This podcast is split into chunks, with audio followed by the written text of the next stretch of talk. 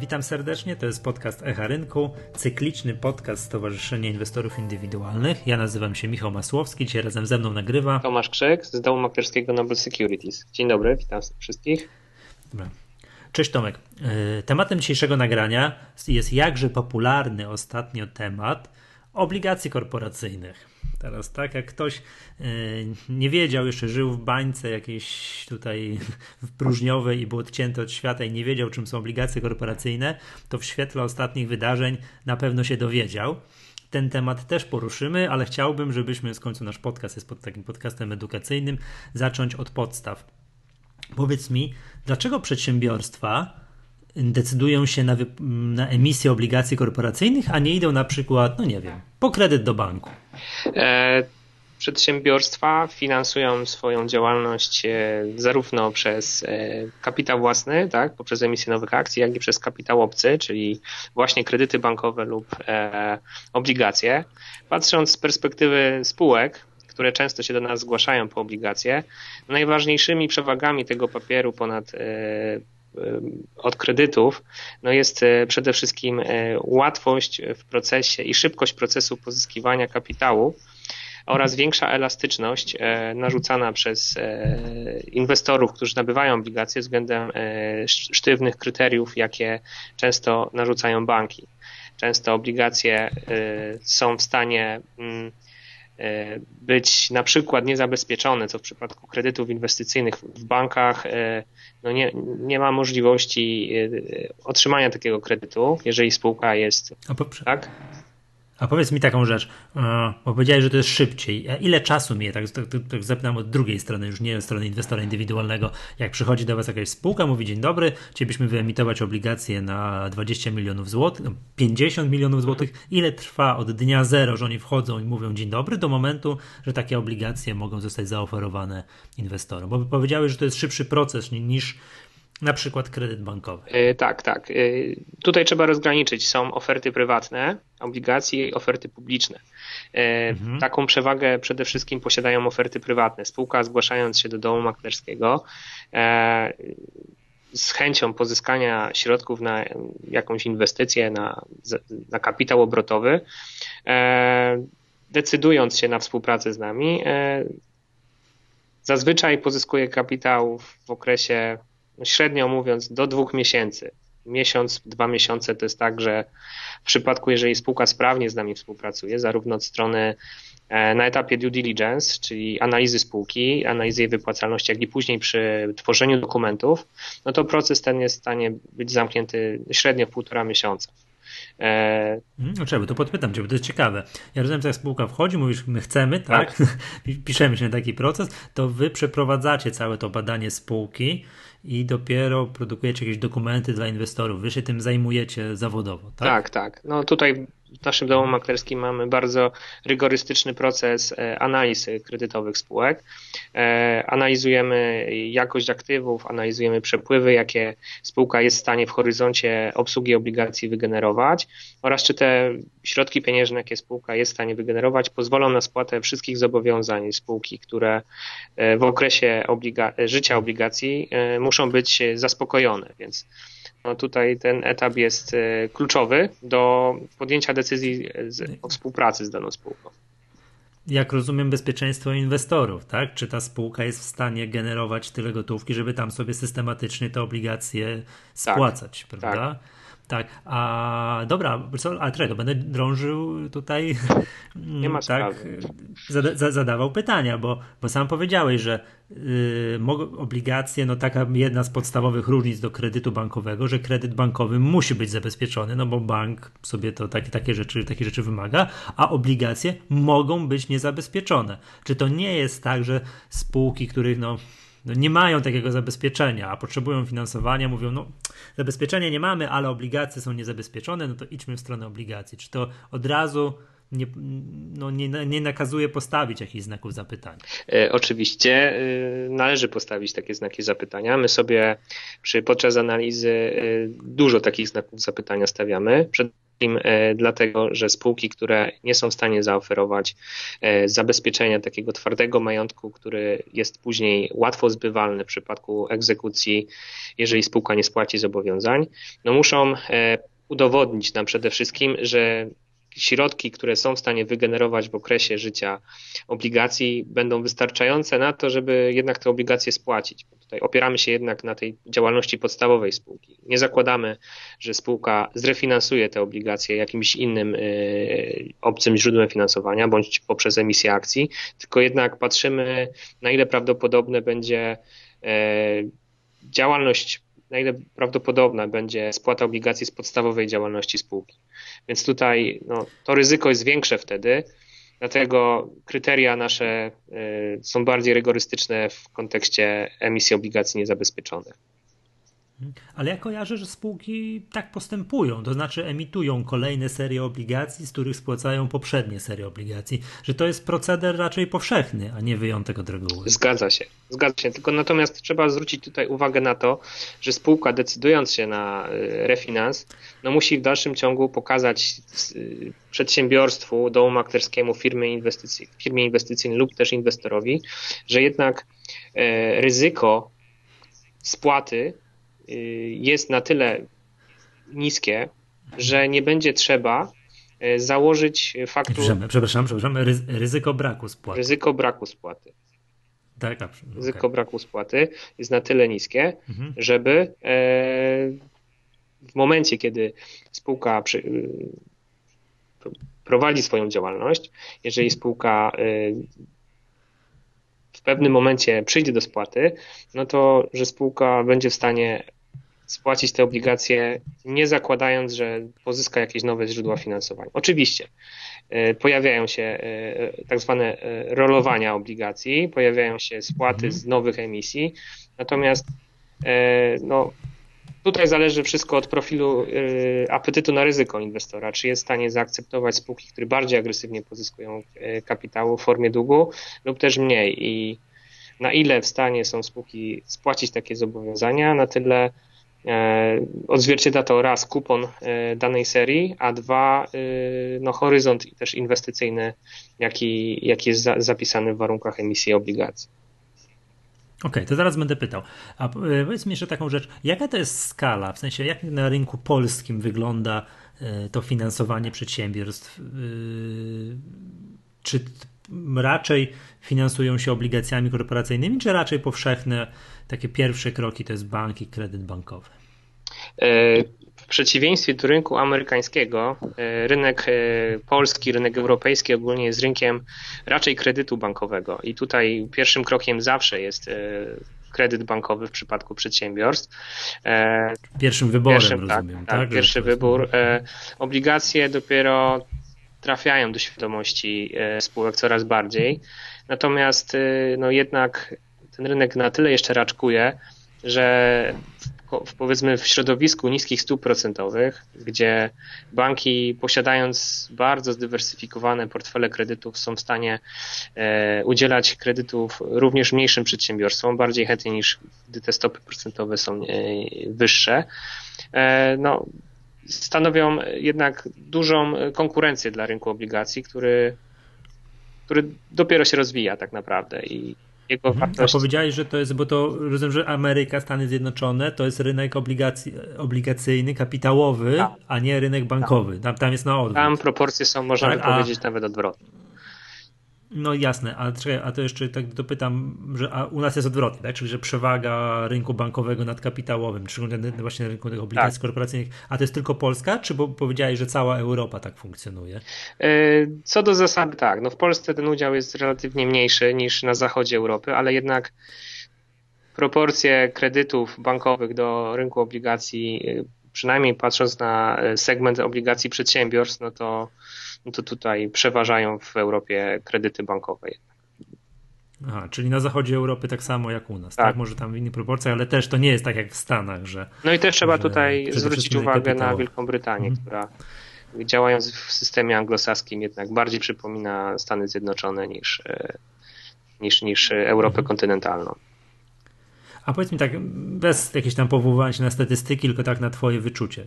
To się zmienia w sensie my coraz bardziej otwieramy się, znaczy na polskie spółki, na te obligacje, na, w ogóle na rynek kapitałowy, czy raczej, czy raczej to jest jakiś stały ten podział y, rynek bankowy i rynek obligacji. To się zmienia. My to upodobniamy się powolutku do tych, do, do naszych odpowiedników w Stanach Zjednoczonych, czy to raczej my mamy takie zwyczaje, oni mają takie zwyczaje i tu niewiele się zapowiada, żeby, żeby się zmieniło.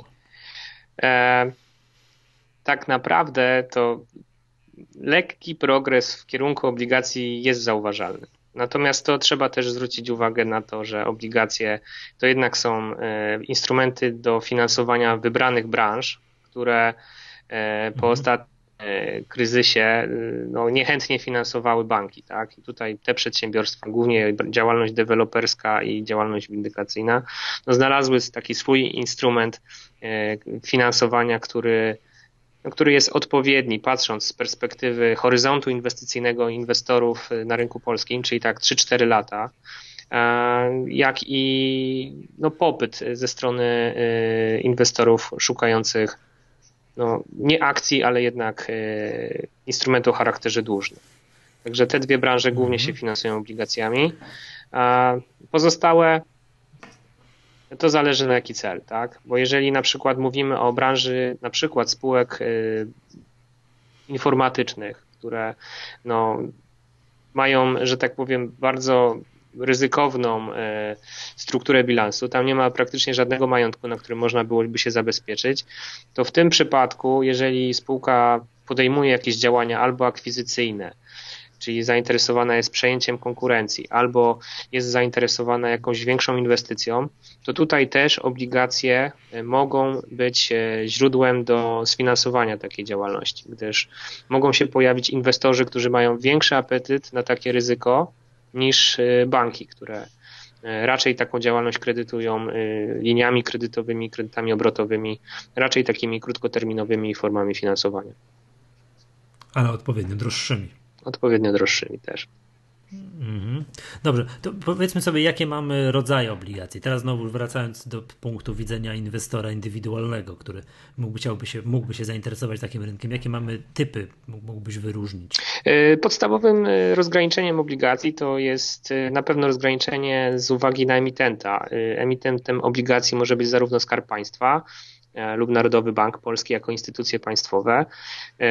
Mogą być to przedsiębiorstwa, E, głównie e, spółki, spółki z ograniczoną odpowiedzialnością e, oraz jednostki samorządu terytorialnego, czyli, czyli tak zwane obligacje komunalne mogą też występować na rynku.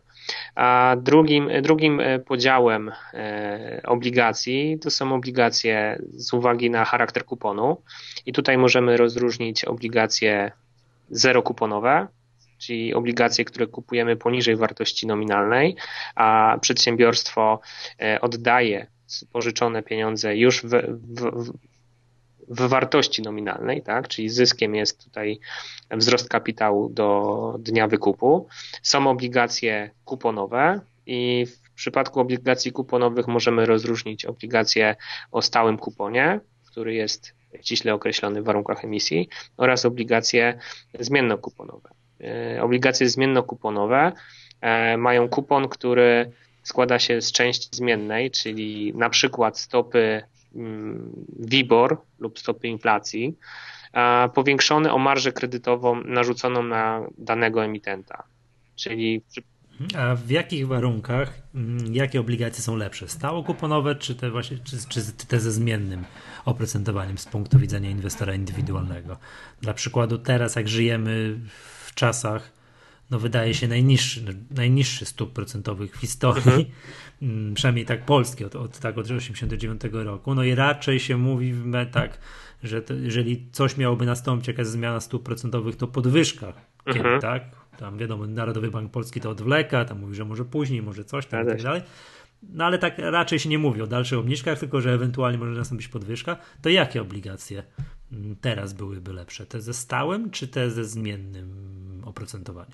E, na pewno w tym środowisku i patrząc z perspektywy tych zmian, które na pewno prędzej czy później zajdą, no lepiej e, nie brać na siebie ryzyka stopy procentowej i wybrać obligacje o zmiennym kuponie, bo jednak tutaj e, nie wiemy, jaka będzie dynamika podnoszenia stóp procentowych przez Narodowy Bank Polski, jak na to będą reagować banki komercyjne na tą skalę podwyżek, więc tutaj ryzyko wzrostu stóp procentowych lepiej nie brać siebie i bardziej ja bym szedł w kierunku obligacji zmiennokuponowych.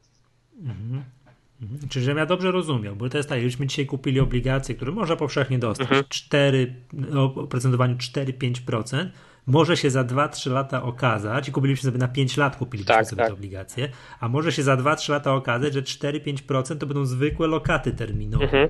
w banku, będą na tyle, no, a których stopień bezpieczeństwa, bo za sekundę będziemy o tym mówili, jest no, nieporównywalnie wyższy od obligacji korporacyjnych. Tak. tak? To, tak, ja tak to czuję. A gdybyśmy byli mieli na odwrót z kolei, że jakbyśmy mieli, nie wiem, lokaty terminowe w banku 10%, no i, i powiedzmy sobie na podobnym poziomie obligacje korporacyjne, ale mielibyśmy perspektywę obniżek tych stóp procentowych, to wówczas lepiej jest, byłoby, byłoby tak. tak teoretycznie sobie gdybając, kupić stałą obligację ze, sta, ze, ze stałym kuponem. Dobrze, dobrze rozumiem? Co do zasady tak do zasady tak. No okej, okay, no, to, no tak, więc jak ktoś by się teraz spodziewał obniżek stóp procentowych do poziomów szwajcarskich, no to może wziąć ze stałym, znaczy może, może rozpatrywać, tak, tak ze stałym tym e, kuponem, no ale to chyba nie wiem, czy nam to, nie wiem, czy nam to grozi. No na ten moment raczej, raczej jak pokazują rentowności obligacji skarbowych, no to raczej będzie to szło w drugą stronę. E, jeszcze mam takie pytanie, wspomniałeś o tych podziałach obligacji i tak mhm. dalej, i że te, jeszcze wracając jakby do tego porównania z z, tym, z kredytami bankowymi, że te obligacje korporacyjne są niezabezpieczone. To tak jest to do zasady, że te obligacje korporacyjne funkcjonujące na rynku polskim są niezabezpieczone? Czy zdarzają się serie, które są zabezpieczone i te, które są niezabezpieczone? E, tak. Czy można szukać, czy chodzi mi o to, czy można na polskim rynku szukać obligacji korporacyjnych, które są zabezpieczone? E, można i nawet należy, e, bo jak pokazują ostatnie ostatnie sytuacje, jakie dzieją się na polskim rynku obligacji korporacyjnych. E, no, brak zabezpieczenia wiąże się z tym, że trzeba patrzeć na majątek spółki, który nie jest zabezpieczony i często może się okazać tak, że tego majątku jest zbyt mało, żeby zaspokoić roszczenia obligatariuszy w pełnym zakresie. Dlatego szukać należy obligacji zabezpieczonych. Kwestia zabezpieczenia jest tutaj e, o tyle istotna, że Często my, jako analitycy, patrzymy na wymagalność e, zabezpieczenia od sytuacji spółki, od jej rozpoznawalności, od jej możliwości do e, pozyskania nowych źródeł finansowania. Im bardziej wiarygodny dla nas jest podmiot, tym kwestia zabezpieczenia schodzi na dalszy plan, bo widzimy e, alternatywne źródła płynności niż tylko to zabezpieczenie, gdyby coś się działo źle ze spółką. Mowa tutaj o wsparciu akcjonariuszy, o dostępie do e, kredytów bankowych, do niewykorzystanych linii kredytowych. Do, jeżeli spółka posiada aktywa, które są łatwo zbywalne, e, to również jest takim czynnikiem, który sprawia, że już kwestia zabezpieczenia jest tak naprawdę no, drugorzędna. Więc im bardziej wiarygodny podmiot, tym e, mniejsze nacisk kładziemy na zabezpieczenie. Natomiast jeżeli widzimy jakąś mniejszą spółkę, mniej rozpoznawalną, no to tutaj kwestia zabezpieczenia dla nas jest kluczowa, żeby powiązać interesy mhm. spółki z interesami wierzycieli. Mhm. Dobra, przejdźmy może do takiego tematu. Na co powinien po kolei zwrócić uwagę yy, inwestor, tak, który chciałby sobie kupić takie obligacje korporacyjne? I co powinien sprawdzać, jak to powinien analizować, a kiedy ewentualnie powinno mu się zapalić światełko ostrzegawcze? W pierwszej kolejności e, trzeba popatrzeć, e, czym się zajmuje spółka. Jak... Przepraszam, pierwszą rzecz już powiedziałeś, ta rozpoznawalność, jaka to jest marka, czy to jest Orlen, tak. który też wiemy, że emituje obligacje, czy spółka, której nazwy pierwszy raz widzimy. Mhm. Zgadza się. Patrząc na spółki, my w pierwszej kolejności patrzymy na jej biznes podstawowy. Jakie ma przychody, jak dużym graczem jest na swoim rynku, czy jest to lider, czy może jakaś tam spółka aspirująca do tego, żeby wejść do, do, do czołówki albo nawet do połowy e, e, udziału w danym rynku. E, do tego pierwsze, pierwszą, pierwszym krokiem, jaki, na jaki my staramy sobie odpowie odpowiedzieć, to jest wielkość spółki. Drugim krokiem, na jaki patrzymy, to jest osiągana rentowność. Trzeba pamiętać, że obligacje w pierwszej kolejności powinny być spłacone z, z działalności podstawowej, czyli z osiąganych zysków spółki, a, a w drugiej kolejności należy rozważać inne, inne czynniki, takie jak sprzedaż majątku, refinans lub też e, lub też pomoc akcjonariuszy. E, trzecim krokiem jest porównanie e,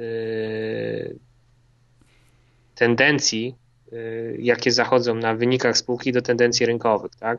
Czyli czy spółka osiągane przychody lub też marże osiąga mniejsze wraz z czasem, prawda, patrząc historycznie, niż dana branża, czy może większe. Jeżeli spółka realizuje swoją strategię w sposób y, bardzo efektywny, no to widzimy korzystne zmiany na marży, marże rosną, przychody rosną, spółka zdobywa rynek, co pozytywnie wpływa na ocenę perspektyw danej spółki.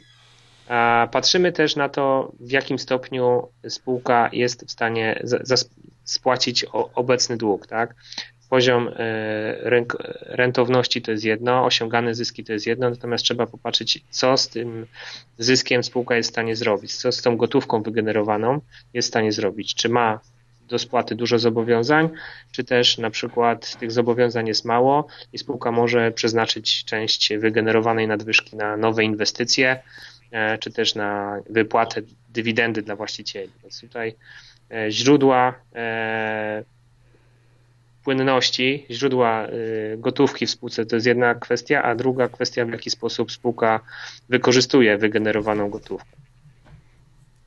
Tak, o ile dobrze tak tutaj czytam to, co mówisz, to taka analiza, to ona się naprawdę niewiele różni od analizy tego, jak ja bym chciał kupić akcję danej spółki. E, dokładnie. No tutaj można powiedzieć, że to jest e, bardzo podobny proces tylko perspektywa jest inna, bo tutaj patrzymy w perspektywie obsługi mhm. długu, tak? czyli 2-3 lata do przodu, gdzie te prognozy można uznać, że w miarę są do przewidzenia. Nie patrzymy dekadę do przodu, e, żeby wycenić spółkę, tylko patrzymy, czy spółka w horyzoncie 2, 3, 4 lat jest w stanie wygenerować gotówkę, którą analitycy akcyjni e, wykorzystują do określenia wartości spółki, natomiast my patrzymy, w jaki sposób spółka jest w stanie ją wykorzystać do spłaty zobowiązań. I o ile analitycy akcyjni, może tutaj skończę, e, patrzą na taki scenariusz optymalny dla spółki, taki docelowy, tak my bardziej staramy się patrzeć negatywnie. Robimy stres testy, które pokazują na ile gorsze mogą być warunki e, w otoczeniu spółki, e, żeby mimo wszystko spółka spłaciła zobowiązania. Także tutaj my patrzymy bardziej troszeczkę negatywnie na perspektywy spółki niż, niż analitycy e, akcyjni. Znaczy mówiąc tak obrazowo, czy jakby grom z jasnego nieba na tę spółkę uderzył, czy ona będzie w stanie te obligacje spłacić? Dokładnie. Mhm. Wiesz to, to czego, no to, to jest fajne. Powiedz mi, jakby też macie kontakt z mnóstwem inwestorów, klientów. Ja z kolei tak patrzę, że jak ktoś kupuje obligacje, to oczywiście ma ten poziom, e, o wiele wyższy poziom awersji do ryzyka niż e, jak kupował, niż, niż na rynku akcyjnym. On szuka bezpiecznych, bezpieczniejszych instrumentów, aczkolwiek jest gotów zaryzykować odrobinę więcej. Gdyby już był ktoś jest w ogóle bardzo takim, tak, bojaźliwy, no to oczywiście idzie, zakłada sobie lokadę terminową mhm. w banku, tak. tak? Ale ktoś ma to minimalnie więcej, chciałby zaryzykować, ale akcji się boi, to wtedy kupuje, kupuje obligacje. Mm, I niestety z moich obserwacji wychodzi, wynika tyle, że często inwestorzy, na przykład początkujący, trochę nie chcą się znać, trochę próbują utożsamiać taką obligację właśnie z lokatą terminową. Ok, jest spółka, pan doradca w banku powiedział mi, że to jest bezpieczna spółka i w zasadzie to jest prawie tyle samo, co y, lokata terminowa, tylko że troszkę wyżej oprocentowany, można to w ciemno kupować. Jakby mam wrażenie, że odsuwają od siebie te analizy, o której ty powiedziałeś, mhm. że trzeba dokładnie tam i rynek, branża, perspektywy, możliwości spłaty, y, negatywne scenariusze, mhm. że to wszystko trzeba mniej więcej mieć zbadane, że inwestorzy raczej to odpychają. Ok, to jest taki substytut lokaty terminowej, gdzie, gdzie trzeba kliknąć, żeby gdzie podpisać, żeby kupić te obligacje. Jak to wynika z Twoich obserwacji? Bo moje są właśnie tak, jak powiedziałem, takie troszkę negatywne. E, umówmy się, e, praca e, praca taka analityczna jest jednak bardzo czasochłonna i często osoby, które chcą kupić, głównie inwestorzy indywidualni, raczej nie mają czasu, żeby taką pracę domową odrobić. W związku z tym może mentalnie nie są przygotowani na, na tak, tak, takie intensywne prace analityczne, patrząc y, przez pryzmat instrumentu, jakim jest obligacja, gdzie zakładając, że spółka no, w jakiś tam sposób y, będzie wypłacać, będzie w stanie wypłacać odsetki, no i później odda nam tą kasę, no to znaczy, że mniej więcej jest konserwatywna, że nie, nie, nie, za bardzo nie szaleje y, z, ze, swoje, ze swoimi wydatkami.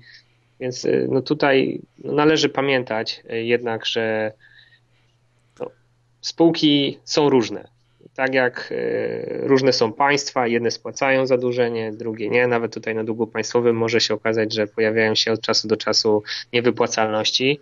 E, więc... Patrz, Argentyna, która już nie, nie wiem ile razy bankrutowała, tak? tak. Teraz Wenezuela.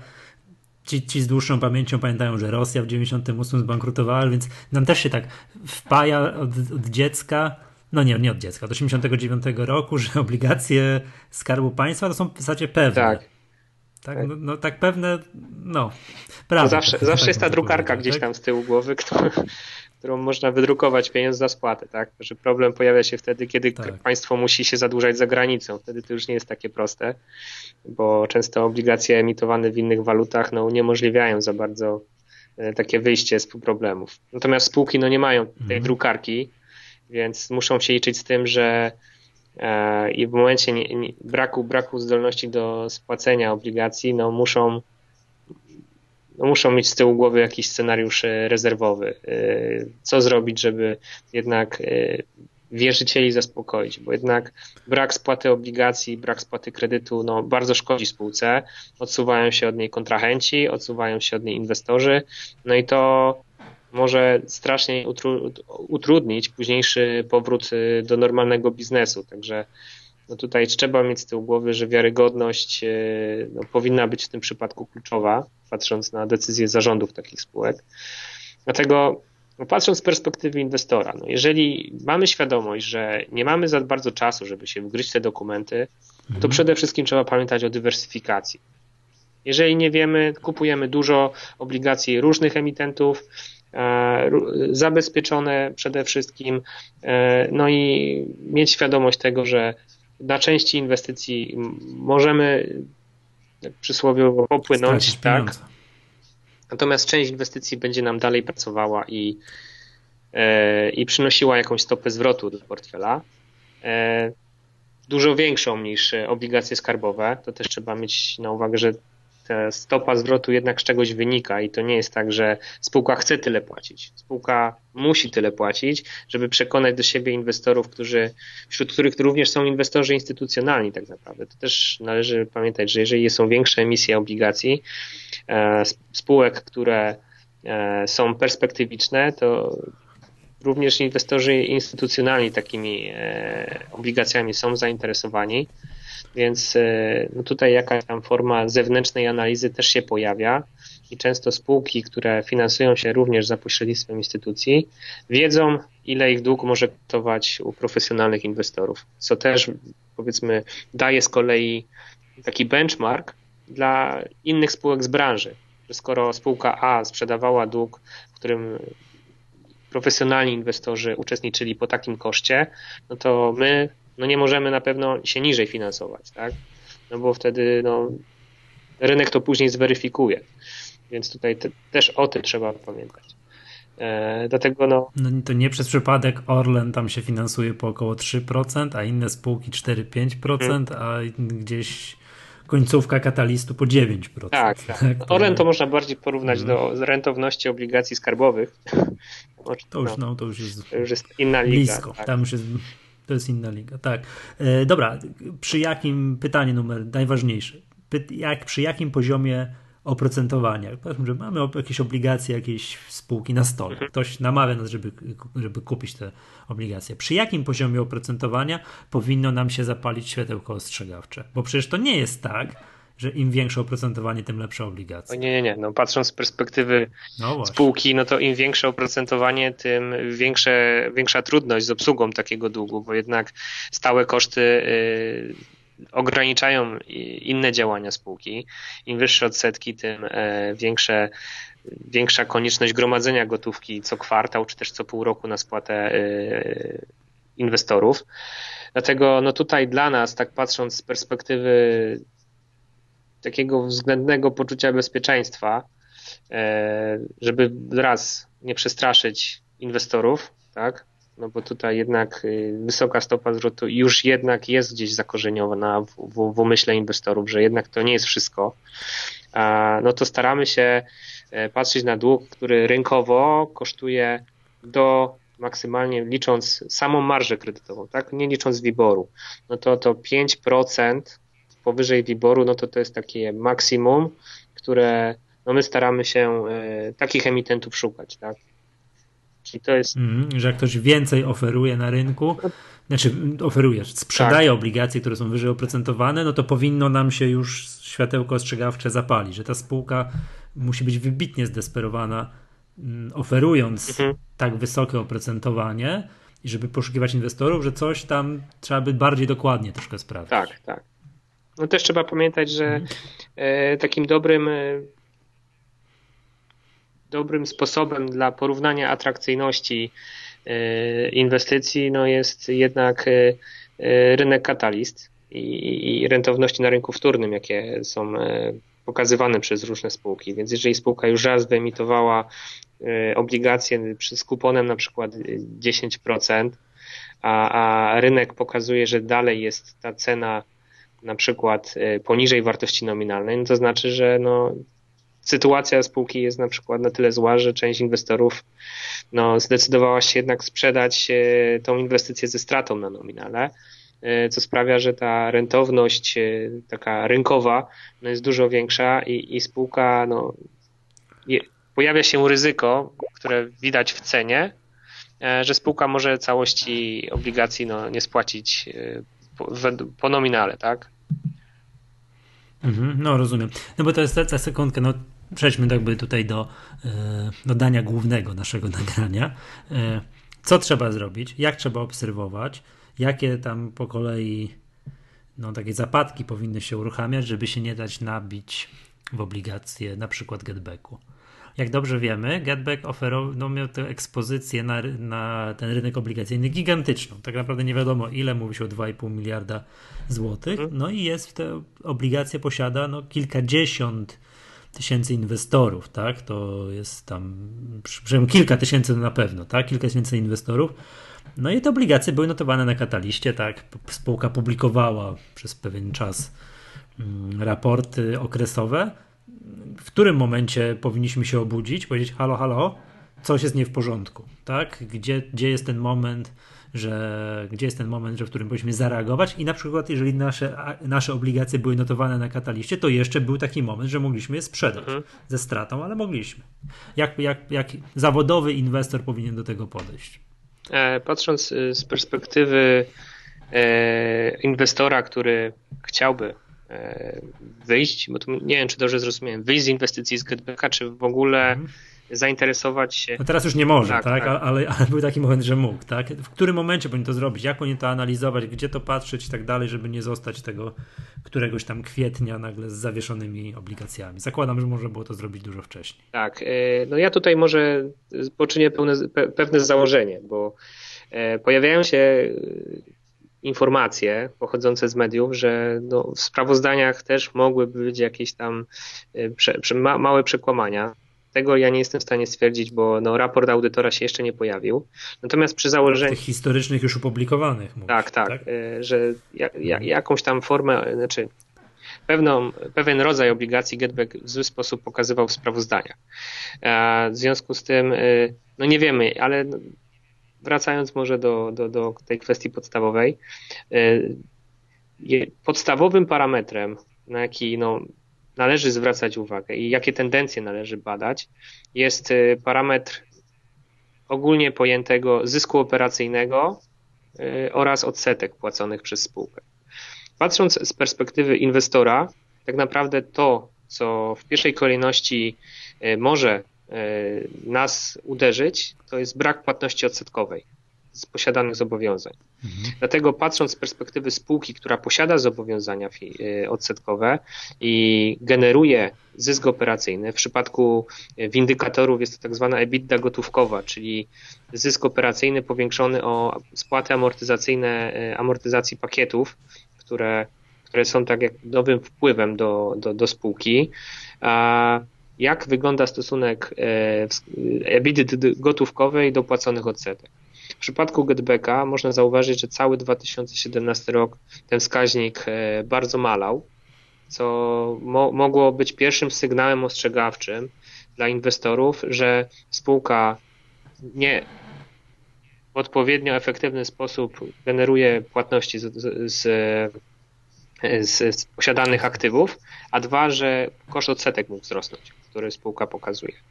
E, mhm, czyli żebym dobrze rozumiał, że oni co miesiąc, powiedzmy w skali miesiąca zyskiwali z tych wierzytelności kwotę X, a to, co musieli oddawać w formie odsetek, to już było niewiele mniejsze od tego X. E, znaczy tu bardziej mówię o, o stosunku, czyli dzielimy sobie EBITDA gotówkową przez no. wartość odsetek. I tutaj takim poziomem granicznym no, jest jedność, tak? Czyli, że całość zysku No tak, tak, to właśnie o tym mówię, tak. że nie, nie byli w stanie generować z bieżącej działalności tyle, żeby już obsługiwać dług. Tak. No i tutaj można zauważyć, że tam w 2016 roku była to parynastokrotność e, płaconych odsetek, te generowane przepływy, natomiast wzrost skali zadłużenia no, powodował, że ten wskaźnik no, spadł do bardzo niskich poziomów na, na koniec już trzeciego kwartału. E, w związku z tym no, byłoby jeszcze to powyżej jedynki, tak? natomiast to ta, taki poziom wskaźnika no, nie pozwala spółce jeszcze na dodatkową spłatę y, kapitału y, tak, z prowadzonej działalności. Tak? Znaczy nie pozwala.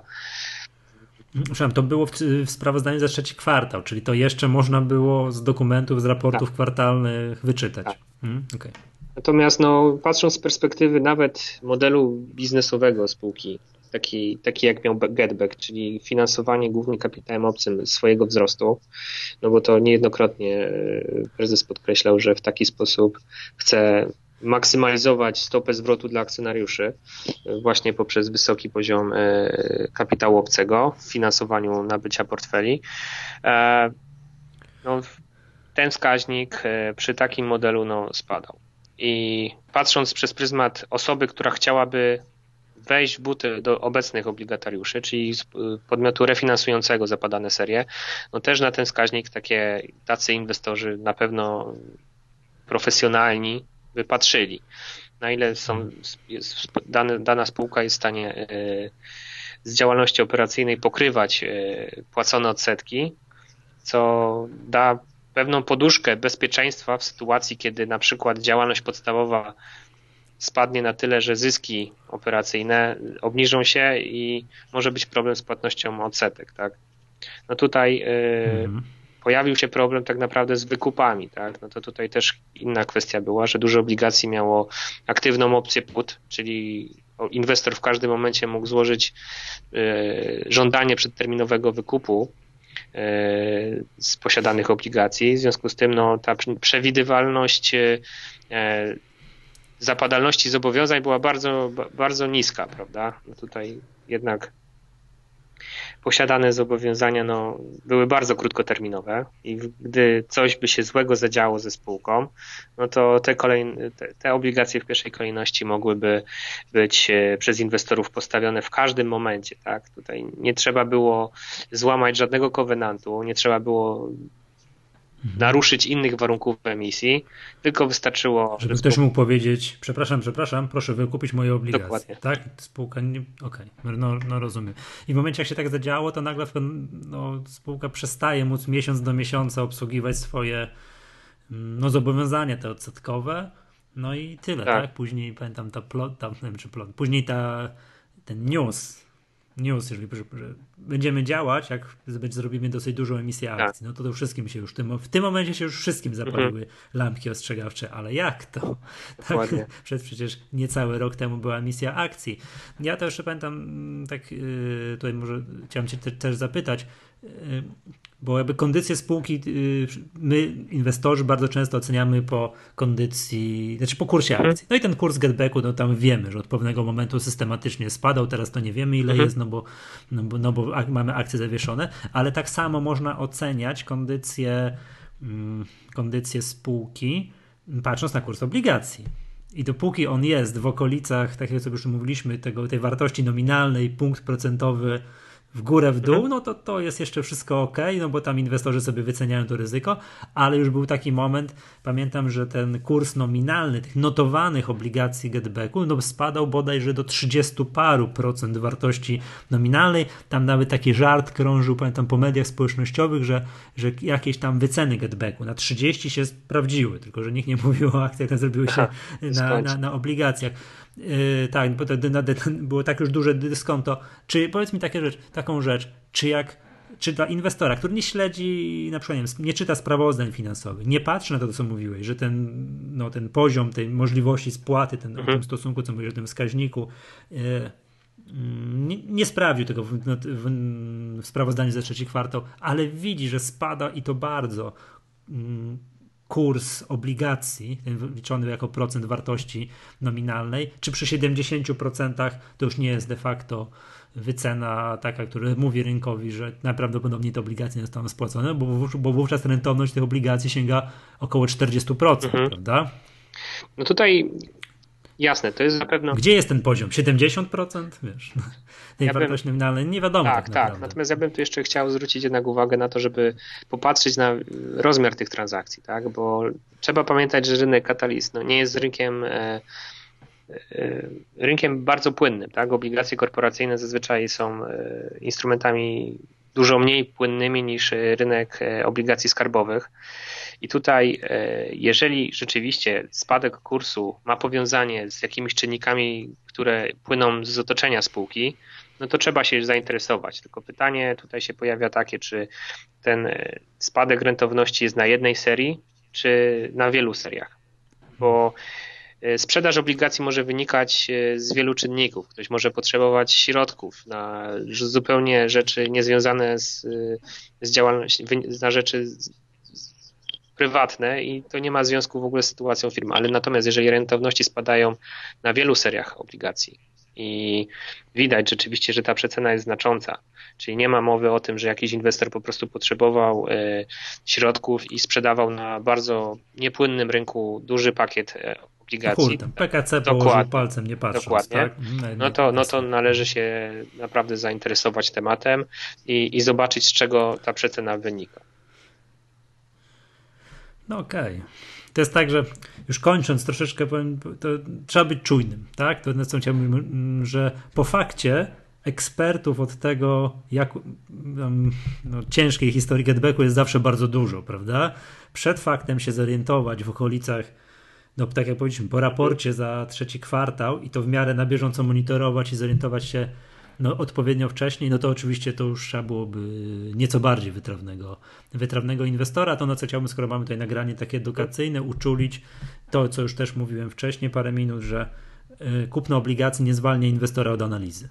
To nie jest substytut lokaty terminowej, tak jak to no, było przedstawiane. Mhm. No, choćby przez wielu sprzedawców tak, z tych, mhm. tych, tych obligacji, że niestety powinno się to robić tak, no, w sposób bardzo wyrafinowany, tak jak to, tak jak to przedstawiłeś przed, no najlepiej by było, najlepiej by nagrania. było, tak? Tylko właśnie pytanie podstawowe jest na ile dany inwestor po pierwsze ma czas, a na drugie jaką, jakie umiejętności i analizy posiada, tak? Bo to też kluczowe jest to, żeby wiedzieć, gdzie szukać, żeby z tego szumu informacji, który idzie ze spółki, ze sprawozdań, wiedzieć, co tak naprawdę jest kluczowe dla działalności przedsiębiorstwa, a, a co tak naprawdę no, nie ma większego znaczenia. Więc tutaj patrząc z tej perspektywy, no też dobrą inwestycją jest no, inwestycja w siebie przede wszystkim i w swoją edukację, żeby, żeby później móc bardziej krytycznym okiem patrzeć na to, co prezentuje spółka oraz co, jakie informacje otrzymuje inwestor od powiedzmy sprzedawcy lub pośrednika e, bankowego. Okej. Okay. Dobrze, Tomek, bardzo Ci dziękuję. Chciałbym jeszcze na zakończenie zaprosić słuchaczy na Twój wykład na konferencji Wall Street, który odbywa się w drugi dzień konferencji, czyli w sobotę po południu. Tak. Tak, to będziesz tam mówił o obligacjach korporacyjnych i zapewne słuchacze w drugiej sekundzie, nie tak jak ja w 20 minucie, tylko w drugiej sekundzie zadadzą pytanie. Panie Tomku, ale co to trzeba było zrobić, żeby się ten getback nie dać, nie, nie dać złapać? Także no postaram, myślę, że ciekawy tak, wykład. Postaram się przedstawić, e, w jaki sposób my patrzymy na analizę, w jaki sposób szukać rzeczy, które są kluczowe, które E, tak naprawdę świadczą o kondycji spółki i no myślę, że troszeczkę ciekawych informacji uda mi się przekazać. No bardzo zapraszam na ten wykład. Mam nadzieję, że będzie, będzie dla wszystkich ciekawy. Dobra, dziękuję serdecznie. To był podcast Echa Rynku. Ja nazywam się Michał Masłowski. Dzisiaj moim gościem był Tomasz Krzyk. Bardzo mi miło. Dziękuję bardzo. Do usłyszenia następnym razem.